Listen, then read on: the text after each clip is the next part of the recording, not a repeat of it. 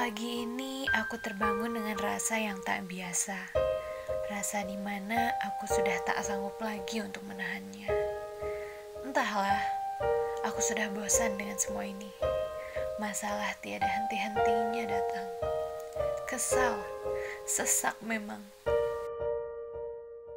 Kadang aku berpikir bahwa mengapa Tuhan memberikanku kehidupan yang sangat sulit.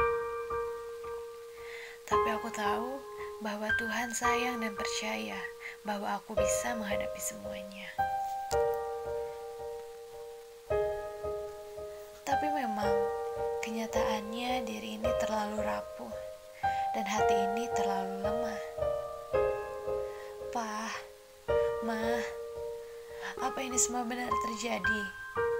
Mengapa masalah terus datang tiada henti? Seperti ada yang memupuk terus tumbuh dan berkembang.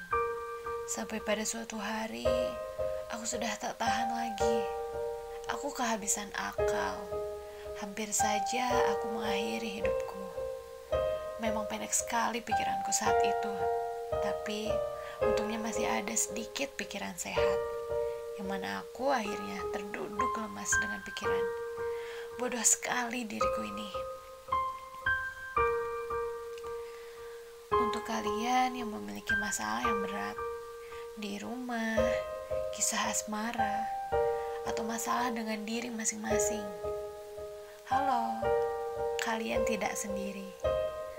Ayo kita bertemu, bercerita bersama, atau kalau perlu kita menangis bersama. Tapi setelah menangis, kita keluar yuk. Kita hirup udara yang segar dan kita nikmati suasana alam yang indah. Untuk kalian semua yang mendengarkan suara ini, aku cuma mau bilang terima kasih sudah bertahan. Kalian hebat. Kalian luar biasa.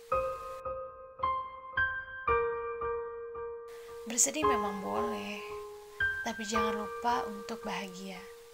Karena kita sendiri yang bertanggung jawab untuk sesuatu yang kita rasakan. Sampai ketemu lagi. Salam jiwa.